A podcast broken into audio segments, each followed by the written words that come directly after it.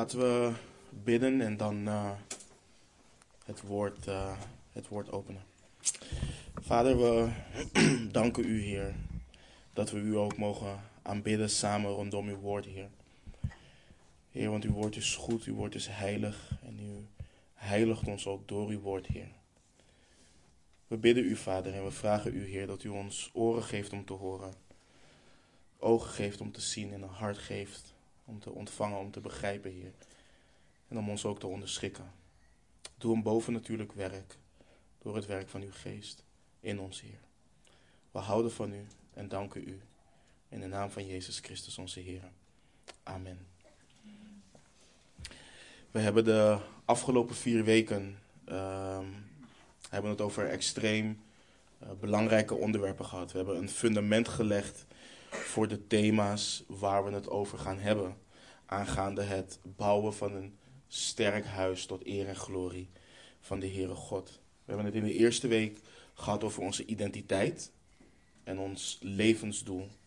We zijn geschapen naar het beeld, naar de gelijkenis van de Heere God. En wat is het hoogste doel van de mens? Het hoogste doel van de mens is om God te verheerlijken en zich eeuwig in Hem te verheugen. Dit is waarom de mens bestaat. Dit is waarom wij bestaan. Waarom we zuurstof in onze longen hebben. Nou, in week 2 hebben we gekeken naar de zondeval en het effect van de zondeval op uh, de mens en dus ook op het huis. We hebben, we hebben stilgestaan bij het feit dat de mens verlossing nodig heeft, omdat de zonde het huis teistert. En in week 3 hebben we gezien dat er hoop en verlossing is in onze Heer Jezus Christus. Dus zij die wedergeboren zijn, zijn vrijgemaakt. Vrijgemaakt van slavernij van de zonde. Het vlees niets meer verplicht, maar in staat om onder leiding van de Heilige Geest, door de kracht van de Heere God te leven naar de wil van de levende God. Dus er is hoop. Er is hoop voor ons. En vorige week hebben we stilgestaan bij de vrezen des Heren. Wat het is, waarom het absoluut noodzakelijk is, hoe het zich uit en hoe groeien we in de vrezen des Heren. Nou, vanaf vandaag willen we gaan kijken of gaan we kijken naar de thema's die ik al een aantal keer uh, benoemd heb. Bijbelse mannelijkheid, Bijbelse vrouwelijkheid, het huwelijk. Uh, wat is het huwelijk en waartoe is het huwelijk? Hoe bereid je je voor op het huwelijk? Wat is de rol van een man binnen het huwelijk? Wat is de rol van een vrouw binnen het huwelijk? Conflict, communicatie en intimiteit binnen het huwelijk. Dat zijn ook belangrijke dingen waar je bij moet stilstaan. We gaan kijken naar opvoeding. Wat, waarom en hoe van opvoeding. De rol van een vader in de opvoeding, de rol van een moeder. En ook de rol van kinderen. Eer je vader en je moeder. En weet je, we kunnen onszelf vragen, en, eh, waarom staan we hierbij stil? Waarom behandelen we deze dingen? Uh, de schrift draagt op om deze dingen te onderwijzen. Weet je, het is geen optie voor de kerk om dit te doen. Het is een noodzakelijke opdracht dat de kerk hierin onderwijst. Weet je, wanneer je de brief van de apostel Paulus aan Titus leest, dan lees je in hoofdstuk 1 dat er veel opstandigen zijn op Kreta. Mensen die zinloos praten, misleiders noemt de apostel Paulus hen. En in vers 11 schrijft Paulus aan Titus dat men hen de mond moet snoeren. Waarom? En dat is een belangrijke vraag en het antwoord is ook belangrijk.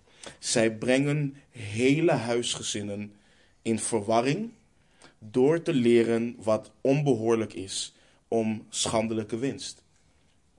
Dus hele huisgezinnen, hele huisgezinnen worden in verwarring gebracht. In het Grieks betekent het woord verwarring ook wel omverwerpen, ondermijnen, verderven, corrupt maken. Dat is wat deze mensen deden met hun leer. En de vraag is dan, hoe moest Titus dit doen? Hoe moest hij hen de mond snoeren? Wat is zijn opdracht? En in Titus 2, vers 1, lezen we wat Paulus schrijft. Maar u, dus Titus, spreek wat bij de gezonde leer past. Spreek wat bij de gezonde leer past. Titus dient te spreken wat bij de gezonde leer past. En dit is altijd, altijd hoe valse leer weerlegd dient te worden. Dit zie je ook terug in de brief van Paulus aan Timotheus. Spreken wat bij de gezonde leer past. Spreken hetgeen waardoor je opgroeit, waardoor je volwassen wordt. Hetgeen wat goed is voor de ziel van de mens. En in het geval van Titus is dat onder andere, als je bijvoorbeeld in hoofdstuk 2 kijkt, het onderwijs over oudere mannen. Hoe die horen te zijn. Oudere vrouwen, hoe die horen te zijn en wat die horen te doen. Jongere vrouwen, hoe die horen te zijn en wat die horen te doen. Jongere mannen, hoe die horen te zijn en wat die horen te doen. En slaven, hoe die horen te zijn en wat ze horen te doen. Dus het is essentieel. En, en, en Paulus geeft drie redenen waarom dit te doen in Titus 2. Te beginnen met vers 5 zegt hij, opdat het woord van God niet gelasterd wordt. Opdat het woord van God niet gelasterd wordt. In vers 8 zegt hij vervolgens, zodat de tegenstander beschaamd zal staan en niets kwaads van u te zeggen heeft. En daarna in vers 10, opdat zij het onderwijs van God, onze zaligmaker, in alles tot sieraad mogen strekken. Dus als je, als je goed bekijkt, dan zie je, er staat veel op het spel. Als wij niet gehoorzaam, uh, gehoorzamen, um, wordt het woord van God gelasterd. Dat is heel simpel hoe Paulus dat uitlegt. En het is niet alsof het woord van God niet al gelasterd wordt. Want mensen lasteren het woord van God continu. Maar dan hebben mensen als het ware een reden om het woord van God te lasteren. Dan kan men dingen zeggen als bijvoorbeeld dat het woord van God geen kracht heeft om harten en huizen te transformeren en huizen stabiel te houden. Dan zal men kwaad over ons te zeggen hebben. Want we leven net als de wereld, terwijl we beleiden een heilig God te dienen die zijn wil kenbaar heeft gemaakt. En het onderwijs van God, van de Heere God, zal niet als een sieraad zijn. De schoonheid van zijn onderwijs zal niet zichtbaar zijn in het leven van hen die hem beleiden te volgen, maar hem ongehoorzaam zijn.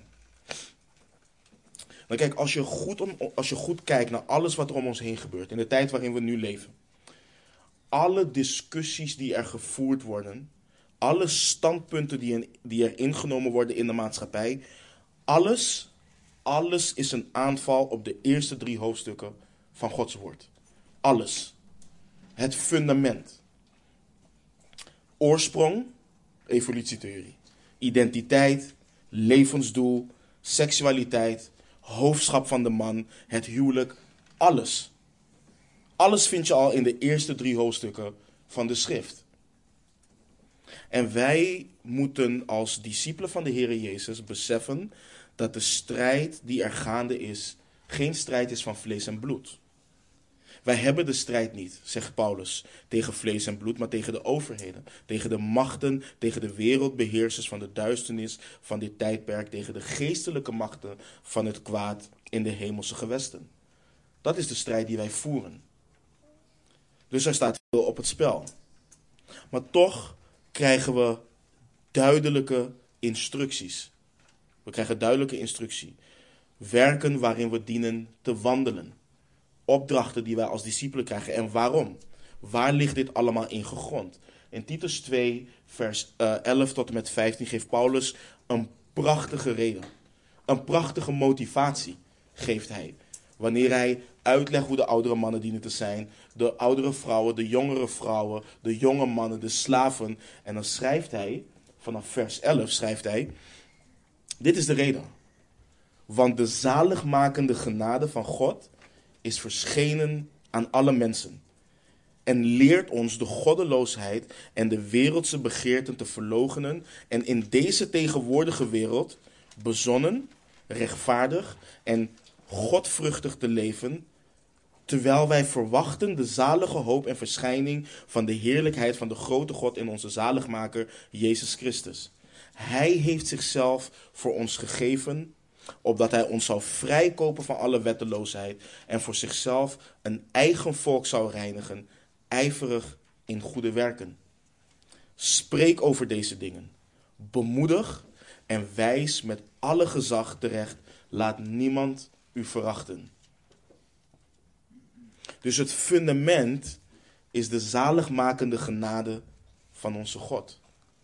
Zijn genade heeft de kracht en leert ons om niet te leven zoals hen die hele huisgezinnen in verwarring brengen, maar juist de goddeloosheid en die wereldse begeerten te verloochenen. Ons daarvan af te wenden. En dit onderwijs, dit onderwijs doet ons dus terugkijken naar het kruis. Dat is wat het onder andere doet, dat is wat het als eerste doet. Heeft implicaties voor hoe we nu wandelen.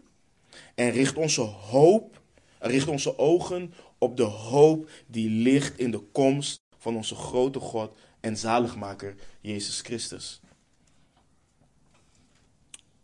En nu, broeders en zusters, prediker Salomo, hij schrijft in Prediker 1, vers 9 het volgende: Wat er geweest is, dat zal er weer zijn.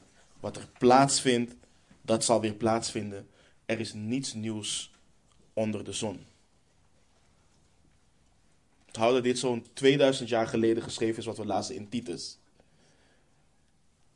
Wat er geweest is, dat zal er weer zijn. Wat er plaatsvindt, dat zal weer plaatsvinden. Er is niets nieuws onder de zon. Zijn er vandaag de dag in de kerk niet hele huisgezinnen in verwarring? Leren mensen vandaag de dag ook niet wat onbehoorlijk is? En niet eens alleen de wereld, maar ook de beleidende kerk.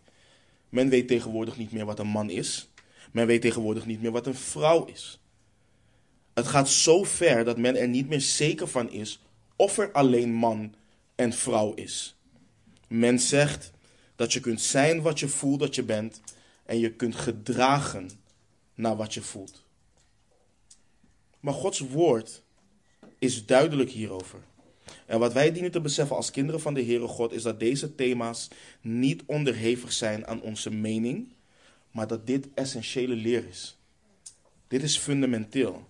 Hoe praktisch dit ook is, waar we bij stilstaan, dit is fundamenteel. En dat is ook het probleem wat je ziet in veel kerken, wat gemeenten teistert. Kijk, wij bijvoorbeeld als beleidende kerken, veel evangelische kerken of noem maar op, wijken niet af van zaken als zaligmaking is alleen uit genade door geloof in Jezus Christus. We geloven, we staan hierin en we weten dat we hier niet van af kunnen wijken. Want het is wat Paulus schrijft in, in, in Efeze 2. We wijken niet af van de goddelijkheid van de Heer Jezus Christus. We geloven, we weten we, en, en, en we staan hierin. We weten dat we hier niet van af kunnen wijken.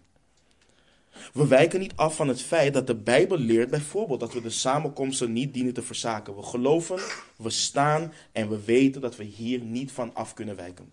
Dat weten we. Al deze dingen weten we. Maar het probleem wat we hebben, hetgeen wat ons teistert, is dat we op de een of andere manier geloven en handelen naar de gedachte dat er te onderhandelen valt over de thema's die ik zojuist benoemde. Dat deze dingen niet net zo essentieel zijn. Terwijl deze zaken juist voortvloeien uit hetgeen wat we zojuist hebben gelezen in Titus 2. Het vloeit voort uit die zaligmakende genade. Kijk, en ieder van ons zal zeggen en beamen dat we niet het recht hebben om te doen met de kerk en de samenkomsten wat we zelf willen. Maar dat de Heere God hier duidelijk is over, dat Hij hier duidelijk over is in zijn woord. We weten hoe een samenkomst eruit hoort te zien. We weten in welk teken het staat, wie daar centraal staat, noem maar op.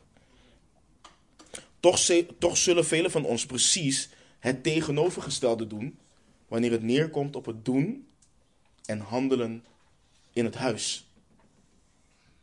Bijvoorbeeld, wanneer een ouderling niet is en niet wandelt overeenkomstig wat er staat in 1 Timotheus 3, in Titus 1, 1 Petrus 5, dan zijn de gevolgen groot. En terecht. Terecht zijn ze groot, heel terecht. Maar ook zo dienen we te beseffen dat de gevolgen groot zijn en dat er veel op het spel staat wanneer we de Heere God ongehoorzaam zijn op het gebied van de thema's die we behandelen in deze serie. En dit brengt nog iets belangrijks met zich mee.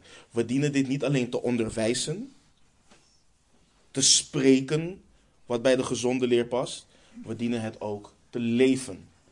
We dienen te wandelen in deze dingen. Titus diende te wandelen in de dingen als voorbeeld, opdat de rest daarin zal volgen. Titus 2, vers 7. Betoon uzelf in alles een voorbeeld van goede werken. Betoon in het onderwijs zuiverheid, waardigheid, oprechtheid. Betoon uzelf in alles een voorbeeld van goede werken. Als wij sterke huizen willen bouwen en bestand willen zijn tegen de onbehoorlijke leer die huisgezinnen in verwarring brengt, dan dienen we niet alleen te geloven, maar ook te handelen naar het geloof in de inspiratie van Gods woord, de onfeilbaarheid van Gods woord, de toereikendheid van Gods woord en de absolute autoriteit van Gods woord over ons leven. We dienen dit boek niet te zien als het werk van mensen met suggesties waarvan wij kunnen kiezen wat ons wel of niet aanstaat. Maar we dienen het te zien als een levend woord van de levende God, waar wij eerbiedig ontzag voor hebben en Hem gehoorzamen. Nou, vandaag beginnen we met een introductie over bijbelse mannelijkheid en vrouwelijkheid. En de komende weken gaan we dit diep uitwerken en zien wat dit theologisch betekent en hoe dit praktisch tot uiting hoort te komen in ons leven. In onze eerste studie, zei ik net al, hebben we stilgestaan bij Genesis 1, vers 26 tot en met 28. Vandaag gaan we ook weer naar deze tekst kijken, maar in relatie tot het thema van vandaag. Vandaag gaan we stilstaan vooral bij het verschil en ook de definitie van mannelijkheid en vrouwelijkheid op basis van wat de schrift ons leert. En waarom ik dit benadruk is als volgt. Veel mensen houden ervan om zich te beroepen op de wetenschap om hun theologische standpunten te versterken. Dat is een goed recht. Het probleem wat ik daar zelf mee heb, is dat de benadering en interpretatie van wetenschap vaak gekoppeld is aan een agenda. Het is vaak gekoppeld aan een agenda. Kijk, bijvoorbeeld 50 tot 100 jaar geleden zou niemand, niemand op basis van eh, wetenschappelijk onderzoek ontkennen dat er niet meer is dan een man en een vrouw. 50 tot 100 jaar geleden. Wetenschappelijk zou niemand die vraag stellen. Maar het zijn juist de wetenschappers die vallen vandaag de dag, ehm, ehm, die vallen voor de agenda van onder andere de feministen en de LHBTI-beweging, die nu tegen het argument van bijvoorbeeld chromosomen, etc. ingaan. Dus dat standpunt wat we eerst gebruikten om ons punt theologisch te versterken, dat standpunt is bijna weg. Het is er bijna niet meer. En ik ben geen profeet, maar mocht het zo zijn dat de Heer nog langer wegblijft, dan kan ik garanderen dat als deze agenda doorgedrukt blijft worden, er over 100 tot 200 jaar geen enkele wetenschappelijke basis meer is voor een man en voor vrouw. Dat zal er gewoon niet meer zijn. Als het doorgaat zoals we, de koers, zoals we die koers nu zien, is het er gewoon niet meer. Dus we moeten puur en puur en alleen kijken naar wat zegt de schrift. Daar moeten we naar kijken. Ik ben wel eens uitgemaakt voor iemand die niet verder kan kijken dan de Bijbel lang is. Ik draag dat met eer, met heel veel eer. Want ik weet dat hoewel alles om me heen in beweging is en verandert, het woord van God niet verandert. Het verandert niet. En daarom kijken we puur naar wat zegt de Bijbel. En houd dit in dat we wetenschap niet kunnen gebruiken Nee, dat is niet wat het betekent. Maar ik wil weten wat de Heere God zegt in en door zijn woord. En daar blijven we bij. Nou, in het huidige klimaat waarin we leven, vooral hier in het Westen, zegt men dat mannelijkheid en vrouwelijkheid sociale constructies zijn. Dat is wat er nu vandaag de dag wordt gebruikt. Dat wil zeggen dat wij hier in het Westen het onderscheid hebben gemaakt tussen man en vrouw en alle stereotyperingen die daarbij horen. Men zegt tegenwoordig dat er niet simpelweg iets is als een man en een vrouw, maar dat er een heel complex spectrum is. Men strooit met termen als genderneutraliteit, genderdiversiteit en genderinclusie. Je hoort steeds vaker dat er geen verschil is tussen man en vrouw, dat ze hetzelfde kunnen en dat ze hetzelfde zijn. En daar waar enkele jaren geleden men simpelweg van de kerk en de mensen om hen heen om tolerantie vroeg op deze kijk, is dat vandaag de dag niet meer genoeg. Men vraagt niet meer om tolerantie, maar om acceptatie en om participatie. Om het vieren van deze waanzin. Dat is wat men vandaag de dag vraagt. En de beleidende kerk doet mee. Onlangs verscheen er een artikel dat de kerk van Engeland aan het overwegen is de Bijbel genderneutraal te maken. Alles waar God als hij wordt aangeduid, dat moet genderneutraal gemaakt worden. Geen hij en dat soort dingen meer in de Bijbel. In vele kerken is het normaal geworden dat transgenders ouderlingen zijn. Maar is dit hoe de kerk hierop dient te reageren?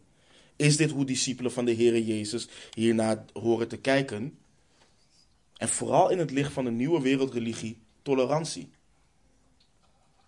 Maar de schrift zegt duidelijk dat we in de wereld zijn, maar niet van de wereld zijn.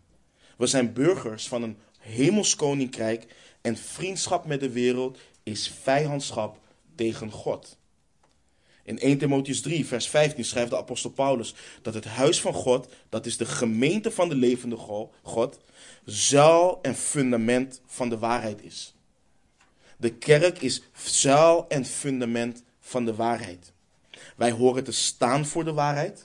Wij horen de waarheid te verdedigen en we horen de waarheid te communiceren en als gezanten namens Christus, alsof God door onszelf smeekt, namens Christus te smeken jegens deze goddeloze wereld, dat zij zich laten verzoenen met God.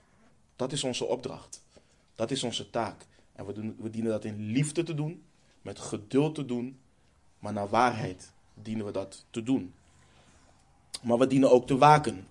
Te waken dat wij niet zoals Eva verleid is door de slang, zo ook onze gedachten bedorven worden weg van niet alleen de eenvoud die in Christus is, maar ook de waarheid die in Christus is.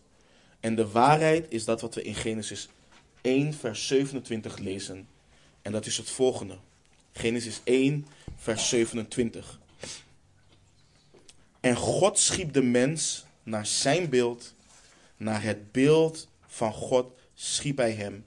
Mannelijk en vrouwelijk schiep hij hen. We zien hier iets bijzonders en iets fundamenteels. Kijk, en dit is het belang, want we gaan kijken naar de verschillen, maar we gaan ook kijken nu bijvoorbeeld naar gelijkenissen. Genesis 1, vers 27 leert ons dat man en vrouw enigszins gelijk zijn, maar toch fundamenteel anders zijn. Man en vrouw zijn enigszins gelijk, maar fundamenteel anders. Als je de schrift eerlijk leest, dan zie je, omdat man en vrouw naar het beeld van God geschapen zijn, ze gelijk zijn in waardigheid. Ze zijn gelijk in waardigheid. Beiden, man en vrouw, zijn geschapen naar het beeld van de Heere God. De man is geschapen naar het beeld van God. De vrouw is geschapen naar het beeld van de Heere God. Dus in schepping, in creatie, zijn man en vrouw gelijk aan elkaar. Een ander punt waarin, eh, waarin man en vrouw gelijk aan elkaar zijn, is op het gebied van verlossing. Op het gebied van verlossing. Op het gebied van verlossing zijn man en vrouw ook gelijkwaardig. De apostel Paulus schrijft in Galaten 3, vers 28, schrijft hij het volgende. Daarbij is het niet van belang dat men Jood is of Griek. Daarbij is het niet van belang dat men slaaf is of vrije. Daarbij is het niet van belang dat men man is of vrouw, want allen bent u één in Christus Jezus. allen bent u één in Christus Jezus. Deze tekst wordt vaak aangehaald door hen die vinden dat vrouwen ook ouderlingen kunnen zijn. En dat er geen verschil is tussen man en vrouw in de gemeente. Maar ze vergeten vaak de context van deze tekst. Paulus heeft het hier over hoe de wet niet in strijd is met de belofte van God. En dat voordat het geloof er kwam, men door de wet bewaakt werd. Als gevangene opgesloten totdat het geloof geopenbaard zal worden. Dat is wat Paulus schrijft in Galaten. En dan schrijft hij dat de wet een leermeester was tot Christus en dat door Christus allen door het geloof gerechtvaardigd zouden worden. En dan schrijft hij, want u bent allen kinderen van God door het geloof in Christus Jezus, want u allen die in Christus gedood bent, hebt zich met Christus bekleed. En dan komt vers 28, dit heeft met verlossing te maken. Dit is geen tekst om te onderbouwen dat de kerk waar je naartoe gaat een vrouwelijke pastoor heeft. Dat is niet wat deze tekst leert. Dit heeft te maken met het feit dat allen die geloven in Christus Jezus kinderen van God zijn. Het maakt dus niet uit of je Jood of Griek bent, of, je, of dat je een slaaf bent of vrij, of dat je een man bent of een vrouw. Wat verlossing betreft, het kruis discrimineert niet.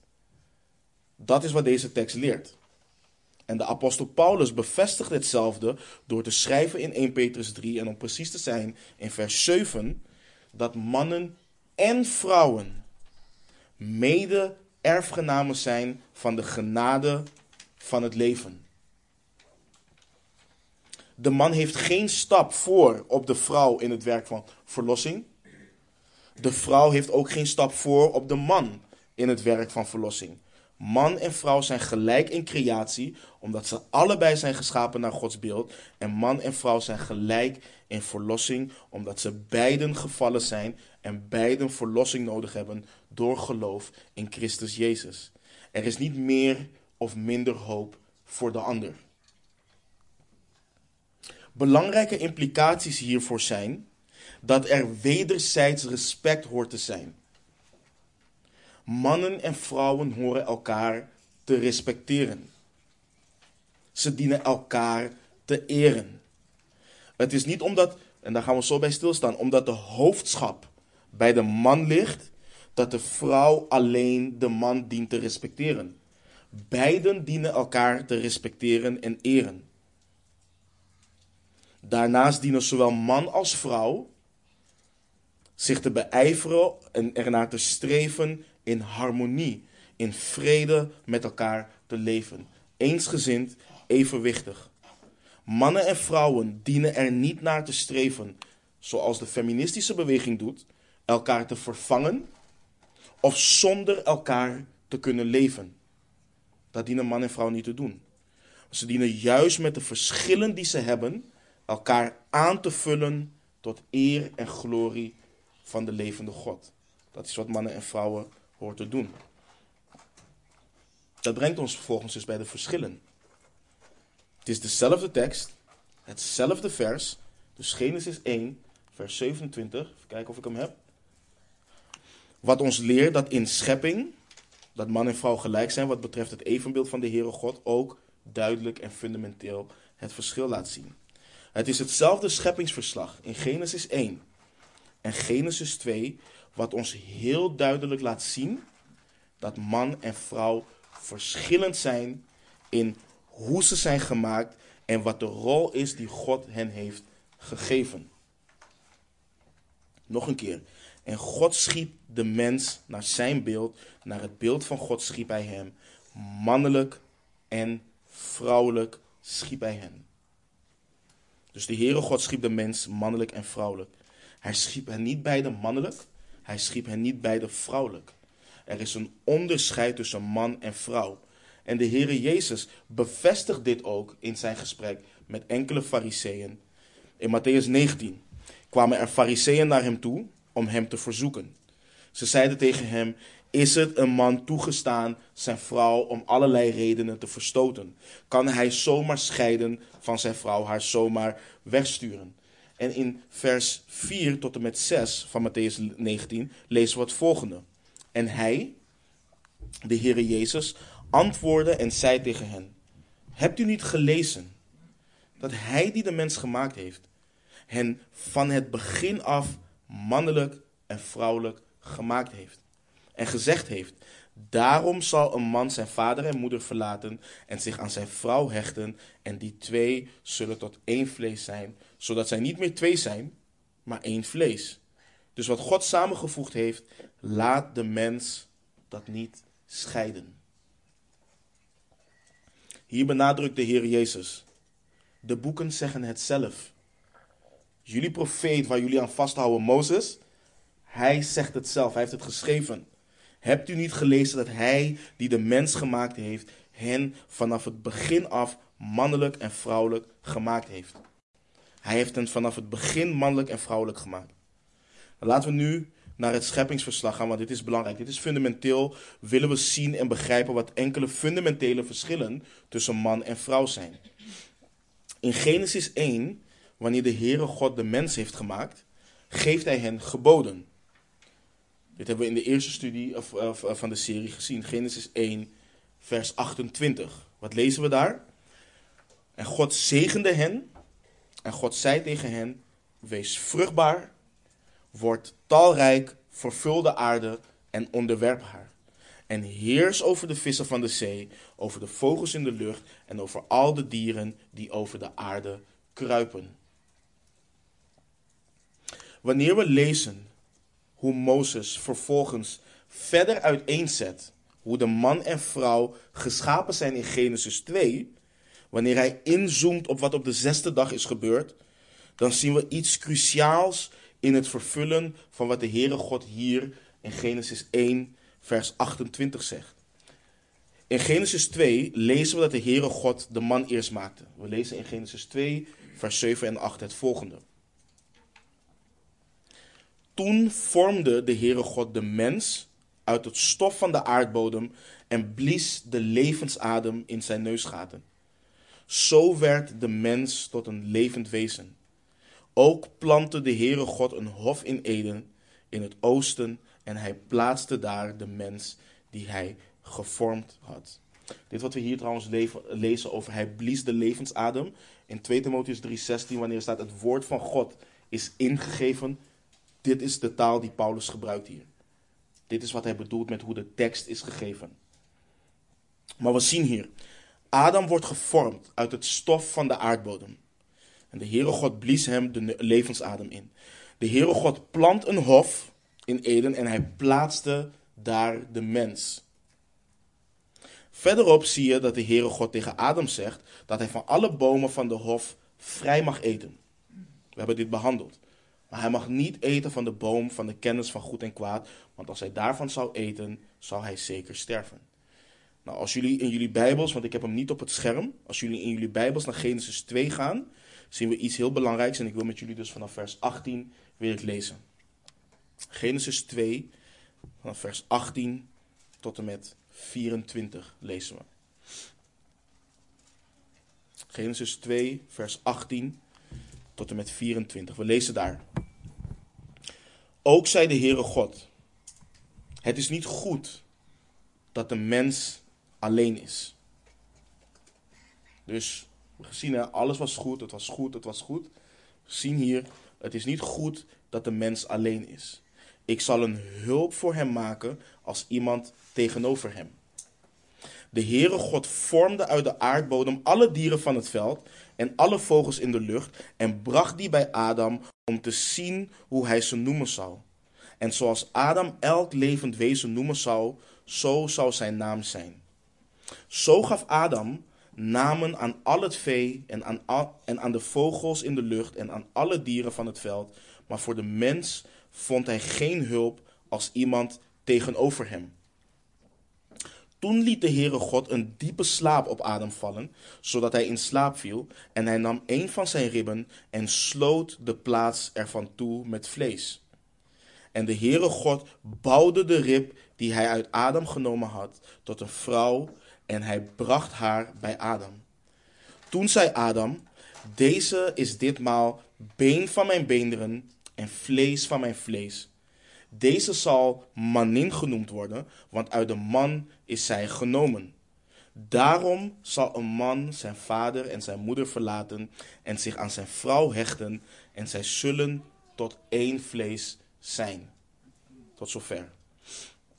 Er zijn een paar belangrijke observaties die, uh, in het scheppingsverslag voor ons die we niet mogen missen. 1. De Heere God geeft de mens heerschappij over de aarde. Dat lazen we in hoofdstuk 1. Wanneer Mozes echter dieper op het scheppingsverslag ingaat, lezen we dat de Heere God zegt dat het niet goed is dat de mens alleen is. In zijn wijsheid zal hij een hulp voor de mens maken als iemand tegenover hem. Iemand die geschikt is voor hem. Iemand die is zoals hij. Iemand die hem kan helpen, die hem kan bijstaan, waarmee, het, waarmee hij hetgeen God hem geboden heeft samen kan doen. We zien dat dat de dieren niet zijn. De Heere God bracht de dieren bij Adam en Adam gaf ze een naam. Maar geen van de dieren was geschikt voor hem. Dus dat hele ding van een hond is men, een mans beste vriend, nee. De mens, dat is wat God doet. En dat is wat hij zegt. Geen was geschikt om samen met hem te doen waartoe de Heere God Adam heeft geroepen.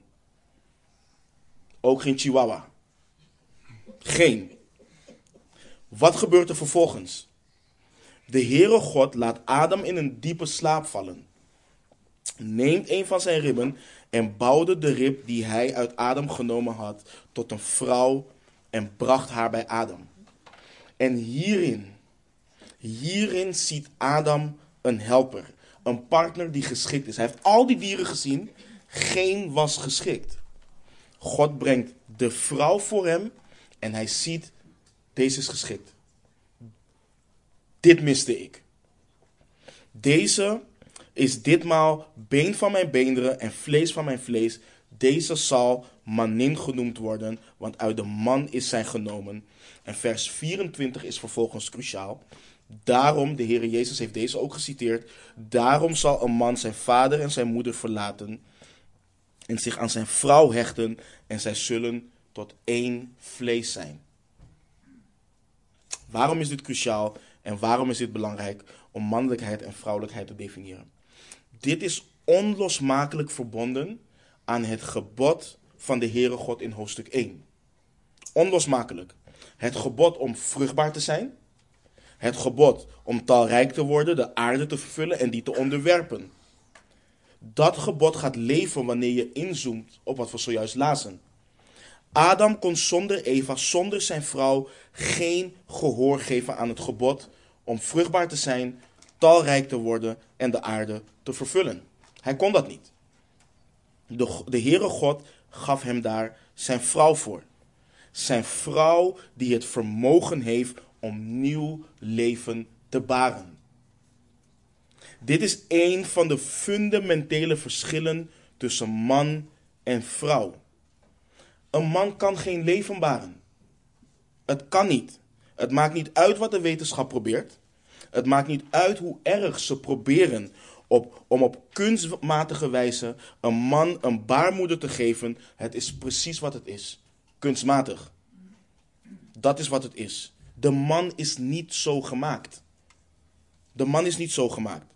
De man is niet daarvoor gemaakt. De vrouw is zo gemaakt. En alhoewel er als resultaat van de val gevallen zijn waarin een vrouw niet in staat is om wat voor medische reden dan ook te kunnen baren, het lichaam van de vrouw is door de Heere God op unieke wijze zo vormgegeven dat ze alles in haar lichaam heeft om dit wel te moeten kunnen doen. Dat is hoe het staat. En ik moet denken aan wat de psalmist schrijft in Psalm 139, vers 14. Ik loof u omdat ik onzagwekkend wonderlijk gemaakt ben. Wonderlijk zijn uw werken, mijn ziel weet dat zeer goed.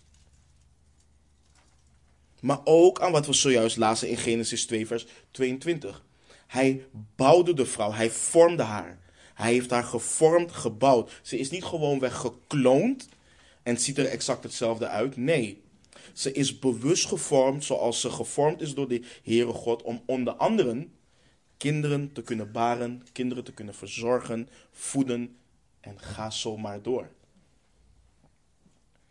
Wat betekent dit voor ons? Want dit is een belangrijke vraag en dit hoor je, deze vraag, vraag hoor je vaak in de kerk. Houd dit in dat de mens puur en alleen gemaakt is om te trouwen en zoveel mogelijk kinderen te krijgen. Dat een vrouw gezien moet worden als een machine die alleen kinderen baart en zorgt voor de kinderen en de man zijn dromen kan najagen of wat dan ook. Volstrekt niet.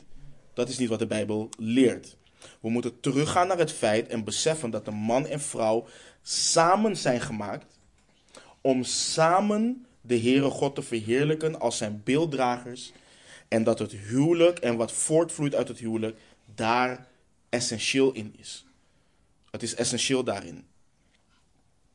Dat gezegd hebbende leert het Nieuwe, Testament ons, het Nieuwe Testament ons ook dat sommigen niet zullen trouwen en zich daardoor volledig kunnen wijden uh, aan het werk van de Heer. Maar dit is het ontwerp. Dit is het ontwerp van de Heere God. Zoals de Heere Jezus zei, dat Hij ze zo vanaf het begin heeft gemaakt. Er is een natuurlijke orde, een natuurlijke gang van zaken, dat man en vrouw één horen te worden. Paulus heeft het hier ook over in Romeinen 1, vers 26 en 27. Maar daar laat hij juist zien dat er mensen zijn die tegen het natuurlijke ingaan. We lezen in Romeinen 1, 26 en uh, 27. Daarom heeft God hen overgegeven aan schandelijke hartstochten. Want ook hun vrouwen hebben de natuurlijke omgang vervangen door de tegennatuurlijke. En evenzo hebben ook de mannen de natuurlijke omgang met de vrouw opgegeven en zijn in wellust voor elkaar ontbrand. Mannen doen schandelijke dingen met mannen en ontvangen het gepaste loon voor hun dwaling in zichzelf. God heeft een natuurlijke orde. De Heere God heeft voor Adam niet nog een man gemaakt, maar een vrouw. Dat heeft hij gedaan. Die twee zijn complementair aan elkaar. Die twee vullen elkaar aan. Die twee passen en horen bij elkaar. Die twee horen samen één vlees te worden. Dat is natuurlijk volgens de soevereine wil van de Heere God. Niet de mens heeft dit bedacht, God heeft dit bedacht. Nu een ander ding wat we zojuist zagen in Genesis 2, en, uh, Genesis 2, en dit is belangrijk, want we gaan hier vaker op terugkomen in onze serie. Adam is eerder gemaakt dan de vrouw. We lazen dat. Moeten we hier iets mee? Dat is een vraag. Moeten we, wat, uh, moeten we er wat mee dat Adam eerder gemaakt is dan de vrouw? En velen negeren dit en zeggen dat het niets moet uitmaken. Het moet niets uitmaken. Maar er zijn teksten in het Oude Testament en het Nieuwe Testament wat ons leert dat je dit niet zomaar kunt negeren. Je kunt die volgorde niet zomaar negeren. Je kunt niet negeren dat Adam eerst gemaakt heeft. Dat uh, eerst gemaakt is. De Heere God heeft Adam, de man, hoofdschap gegeven. De Heere God heeft Adam hoofdschap gegeven. De Heere God heeft hem gezag gegeven. Waarin zien we dat? Onder andere het feit dat Adam de dieren benoemd laat, zien, laat zijn hoofdschap zien over de dieren. Het laat hoofdschap zien over de creatie. Maar dit beperkt zich niet tot de dieren. Wanneer de Heere God de vrouw brengt naar Adam, noemt hij haar manin. In het Hebreeuws Isha, want ze is genomen uit Ish, uit de man. In hoofdstuk 3 geeft hij haar de naam Eva. Maar dan is de vraag, oké, waar zien we dan dat hoofdschap bevestigd wordt? Direct na de val al. Jullie kennen de tekst, Genesis 3. De Heere God wandelde in de hof bij de wind in de namiddag. De Heere God riep Adam en zei tegen hem, waar bent u? Adam vertelde de Heere God waarom hij zich verborg en de Heere God confronteert hem. Later in het verslag, wanneer de Heere God de slang vervloekt, de vrouw de consequenties vertelt van haar ongehoorzaamheid en vervolgens komt bij Adam, bij de man, zegt de Heere God dit. Genesis 3, vers 17. Tegen Adam zei hij, omdat u geluisterd hebt naar de stem van uw vrouw en van die boom gegeten hebt waarvan ik u geboden had, u mag daarvan niet eten, is de aardbodem omwille van u vervloekt met zwoegen, zult u daarvan eten al de dagen van uw leven. Mannen, dit betekent niet dat je niet naar je vrouw moet luisteren. Als je vrouw iets goeds te zeggen heeft. Dat is niet wat deze tekst leert. Let goed op wat de Heer zegt. Je hebt geluisterd naar de stem van de vrouw en gegeten van die boom waarvan ik je heb gezegd, daarvan moet je niet eten. Dat is waar dit over gaat. Luister naar je vrouw als je vrouw goede dingen te zeggen heeft. Maar Adam is degene die verantwoordelijk wordt gehouden. Hij is dat. Hij is degene die geluisterd heeft naar zijn vrouw, terwijl hij duidelijke geboden heeft gehad van de Heere God. Maar dit is niet de enige plek waarin we wat moeten met het feit dat Adam eerst gecreëerd is. Als je in je Bijbel gaat naar 1 Timotheus 2, een van de meest controversiële hoofdstukken in het Nieuwe Testament vandaag de dag dan, uh, voor veel gemeenten. Weet je, onder andere door dit hoofdstuk wordt veel van de leer van de apostel Paulus door veel kerken overboord gegooid. Want ze kunnen gewoon niet met dit wat Paulus schrijft. Mensen willen zich niet onderschikken hieraan. Niet alleen vrouwen, mannen ook niet. Paulus heeft het in 1 Timotheus 2, vanaf vers 11, over het feit dat de vrouw niet dient te onderwijzen in de gemeente. Hij zegt dat heel duidelijk. De vrouw dient niet te onderwijzen, ze dient de man niet te overheersen. Ze dient geen leiding te geven in de gemeente. Velen zeggen nu ja, maar luister, dit was toen in die tijd, dat was die cultuur, noem maar op. Paulus schrijft dit niet omdat dit cultureel gezien niet juist was. Niet omdat de eh, apostel Paulus een vrouwenhater was. Want als je zijn brieven leest, dan zie je dat hij helemaal geen vrouwenhater is. Maar juist omdat hij onder andere in vers 13 schrijft. Want Adam is eerst gemaakt. Daarna Eva. Dit is geen cultuur. Paulus gaat helemaal terug naar het begin. Dit ligt in schepping. Daar ligt dit in. In de schepping. Dus een ieder die wilt, wat wil doen met het feit dat vrouwen kunnen voorgaan, dat vrouwen leiders kunnen zijn, dat het cultureel gezien was, moet iets met deze tekst. Je moet iets met deze tekst, want dit overstijgt culturen. Dus wie heeft de Heere God aangesteld als leiders? Wie heeft hij aangesteld als leiders in de gemeente en leiders in het huis? De man. Waarom? Want Adam is eerst gemaakt. Daarna Eva. Maar dan zeggen ze, ja maar man en vrouw zijn gelijk. Man en vrouw krijgen ook gaven. Maar dit heeft niet met gaven te maken. Dit heeft niet met geestelijke gaven, dit heeft met orde te maken. Dat is het verschil. Je zult vast ergens een vrouw vinden die communicatief veel sterker is dan iedere man in deze ruimte. Toch maakt het niks uit. Want dit heeft met orde te maken. Maar we hebben ook beaamd in het feit. Dus dit heeft niet met gelijkwaardigheid te maken. Want we hebben beaamd in het feit dat ze, in, uh, dat ze gelijkwaardig zijn in het evenbeeld van de Heere God in creatie. En dat ze gelijk zijn in verlossing. Dit heeft dus niets met waardigheid te maken. Dit heeft met orde te maken. De Heere God heeft het hoofdschap aan de man gegeven. Een ander verschil wat je ziet is de taak om te werken. Genesis 2, vers 15. De Heere God nam de mens, de man nam hij, zette hem in de hof van Eden om die te bewerken en te onderhouden. Betekent dit dan dat de vrouw niet werkt en alleen achter het aanrecht staat? Jullie weten dat dat niet is wat de Bijbel leert. Dat is niet wat de Bijbel leert. Jullie weten dat heel goed. Maar we zien dus verschillen in hoe man en vrouw gemaakt zijn. En we zien vooral het verschil in de rol die de man en vrouw hebben in de schepping van God. Als je dit samenvat en als je hier goed naar kijkt, en dit gaan we de komende weken volledig uitdiepen, maar als je erin duikt is het dit, de definitie. De definitie van bijbelse mannelijkheid.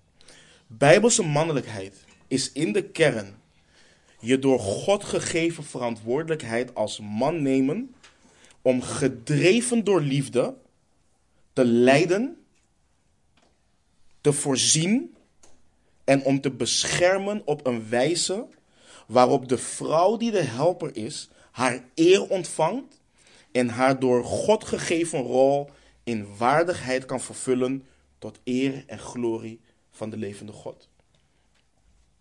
Bijbelse mannelijkheid is in de kern je door God gegeven verantwoordelijkheid als man nemen. Om gedreven door liefde, door goddelijke liefde, te leiden, te voorzien en om te beschermen op een wijze waarop de vrouw die de helper is, haar eer ontvangt en haar door God gegeven rol in waardigheid kan vervullen tot eer en glorie van de levende God. Bijbelse vrouwelijkheid is in de kern je door God gegeven verantwoordelijkheid als vrouw nemen om gedreven door goddelijke liefde je op passende wijze te onderschikken aan mannelijk leiderschap en in je rol als helper de man de ruimte te geven zijn door God gegeven rol in waardigheid te vervullen tot eer en glorie van de levende God. Dus bijbelse vrouwelijkheid is in de kern je door God gegeven verantwoordelijkheid als vrouw nemen om gedreven door goddelijke liefde, je op passende wijze te onderschikken aan mannelijk leiderschap. En in je rol als helper de man de ruimte te geven, um, zijn door God gegeven rol in waardigheid te vervullen, tot eer en glorie van de levende God. Je ziet hier dus aanvulling, complementair aan elkaar. Ze hebben elkaar nodig om deze rol in waardigheid te kunnen vervullen. In de kern, in de kern van dit allebei, voor zowel man en vrouw, en daar gaan we uitvoerig bij stilstaan de komende weken, ligt karakter. Karakter. Er is maar één manier, en het is belangrijk, er is maar één manier waarop we dit op prachtige wijze, op een godverheerlijkende manier tot uiting kan komen. En dat is in liefdevolle, vreugdevolle, welwillende gehoorzaamheid aan de Heere God en zijn woord. Dat is de enige manier. Dat is de enige manier. Het is door het woord waardoor hij ons heiligt. Daardoor worden we gevormd. Ik zei het net al, 2 Timotheus 3, vers 16 en 17. Heel de schrift is door God ingegeven en is nuttig om daarmee te onderwijzen, te weerleggen, te verbeteren en op te voeden in de rechtvaardigheid, opdat de mens die God toebehoort volmaakt zal zijn tot elk goed werk volkomen toegerust. Waarom ik dit vooral wil benadrukken, is voor de vrouwen onder ons. Kijk, ik ben de Heere God dankbaar dat jullie tijdens jullie samenkomsten echt de schrift ingaan. Echt bijbelstudie hebben. Want er heerst een tendens onder christelijke vrouwen, waar ik persoonlijk, ik, ik word er niet goed van. En dat is de gedachte, de gedachte dat vrouwen samen moeten komen om het enkel en alleen te hebben over welk merk vaatwastabletten, luiers of wasmiddel het beste is voor je huis. Dat is de tendens. Laat de mannen het maar hebben over doctrinen en wij het hebben over onze moeite, gevoelens en huishoudproducten. Vrouwen, zusters, jullie hebben doctrine nodig. Doctrine, theologie, discipelschap. Diepe theologie, net zoals jullie broeders. Dat is wat jullie nodig hebben. Lees weer. Heel de schrift is door God ingegeven en is nuttig om daarmee te onderwijzen, te weerleggen, te verbeteren en op te voeden in de rechtvaardigheid. Opdat de mens die God toebehoort, ook jullie, zusters, opdat de mens die God toebehoort, volmaakt zal zijn tot elk goed werk volkomen toegerust. Dit geldt voor man en vrouw. Als ik je zeg dat iedere conferentie van vrouwen alleen maar over Titus 2 en Spreuken 31 gaat, ik word er niet goed van. En dat vrouwen elkaar de hele dag van, ja, maar mag je wel make-up en mag je dit wel? Doctrine, theologie, dat is wat we nodig hebben om gevormd te worden, om geheiligd te worden naar het evenbeeld van onze zaligmaker. Zowel man als vrouw. Als jullie de Heere God willen verheerlijken in jullie God gegeven rol, dan hebben jullie dat nodig. Dan hebben jullie discipelschap nodig.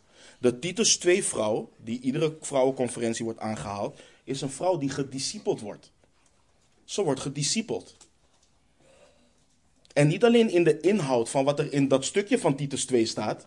Nee, nee, nee, nee. Ook met wat daarvoor is geschreven. En ook met wat daarna is geschreven. En hetzelfde als je bijvoorbeeld kijkt naar Spreuken 31. Spreuken 31 kun je niet loszien van alles wat daarvoor in Spreuken is geschreven. Dat is de vrouw die de roepstem van vrouwenwijsheid heeft beantwoord. Daarom kan ze zo wandelen. Dus doe, doe, dat niet.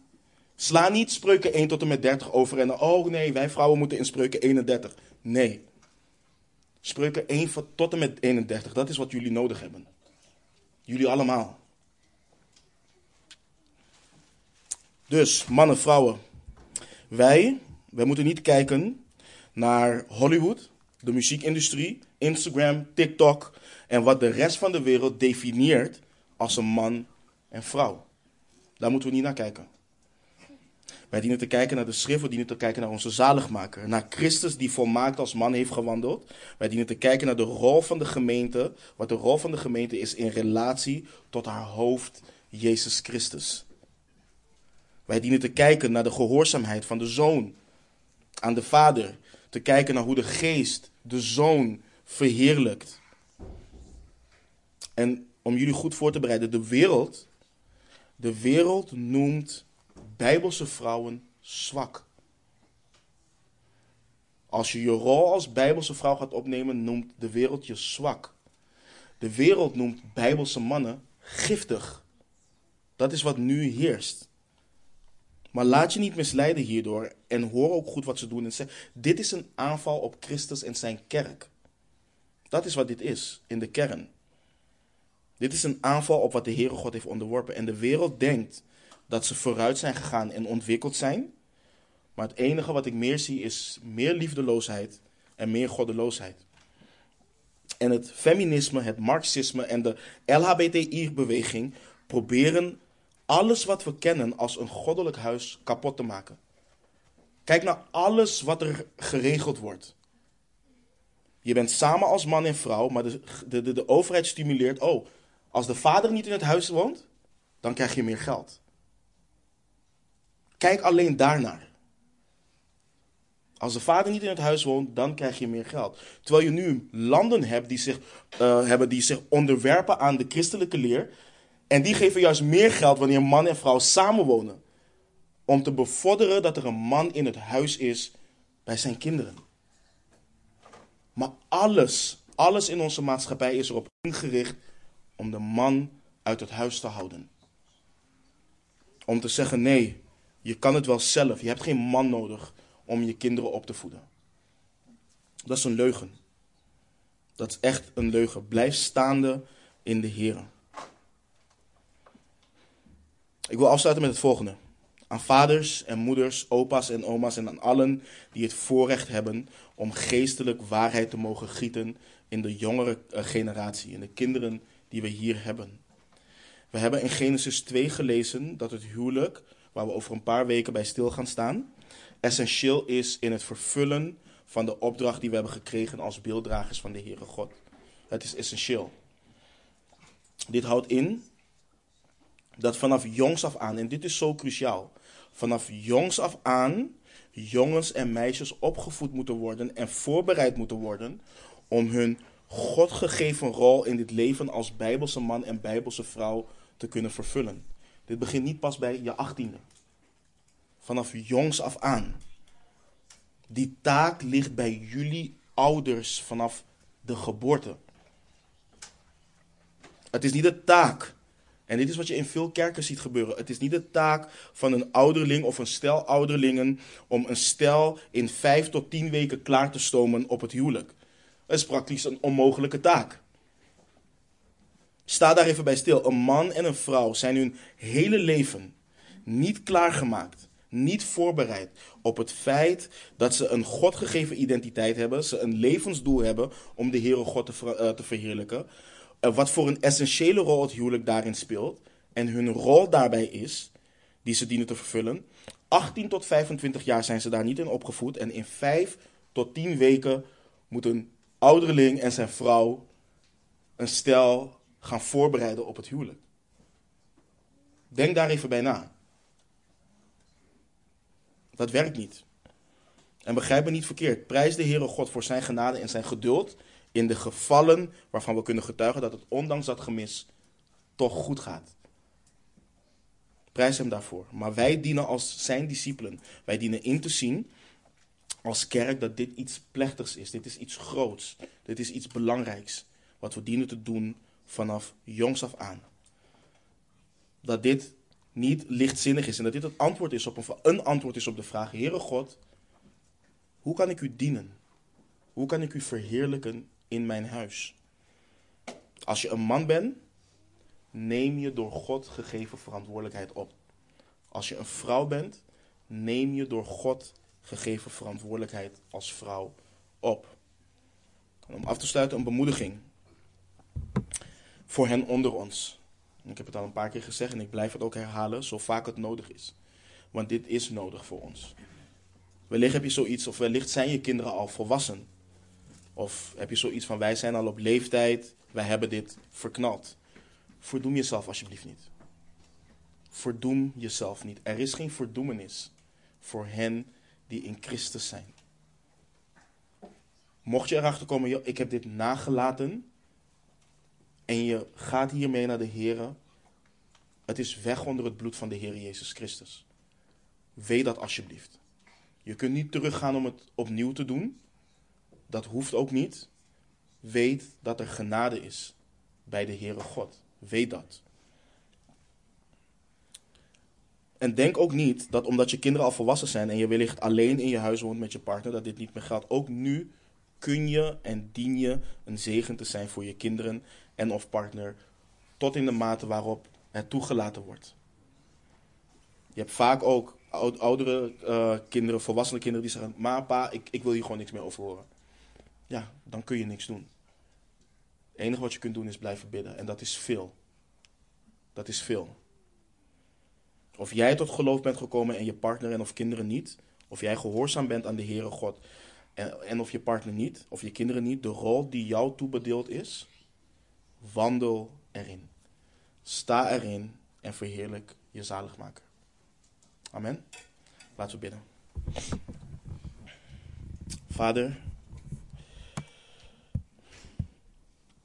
Heer, ik zie zo uit naar de komende weken en het feit dat we zo de diepte in kunnen gaan en dat u ons kunt vormen. Dat u de mannen kunt vormen, de vrouwen kunt vormen, dat u de kinderen kunt vormen en dat u alles doet, Heer, om uzelf te verheerlijken in onze huizen. En vader, wat is het moeilijk, Heer, want ondanks het feit dat we verlost zijn, ondanks het feit dat we nieuwe scheppingen zijn in Christus, hebben we met zoveel tegenslag te maken, zoveel moeite te maken, Heer, en zoveel strijd. Vader, u weet dat sommigen onder ons, Heer, een partner hebben en kinderen hebben die niet gelovig zijn. En dat het zo moeilijk kan zijn om te wandelen in gehoorzaamheid aan u. En Heer, rust hen alstublieft toe, Heer. Laat hen zien, Heer, dat u hen kunt bekrachtigen, kunt toerusten. En dat u ze heiligt ook hier doorheen, Heer. En ik bid voor de ongelovige partners, ik bid voor de ongelovige kinderen en kleinkinderen, Vader, dat u in uw genade u ontfermt over hen en dat u hen zaligmakend geloof schenkt, Heer. En Vader, ik bid ook dat u ons toerust, Heer. Wij die jonge kinderen hebben. Wij die het voorrecht hebben, Heer, om die kinderen nu, vandaag, in deze tijd waarin we leven, in uw soevereine wil te mogen opvoeden.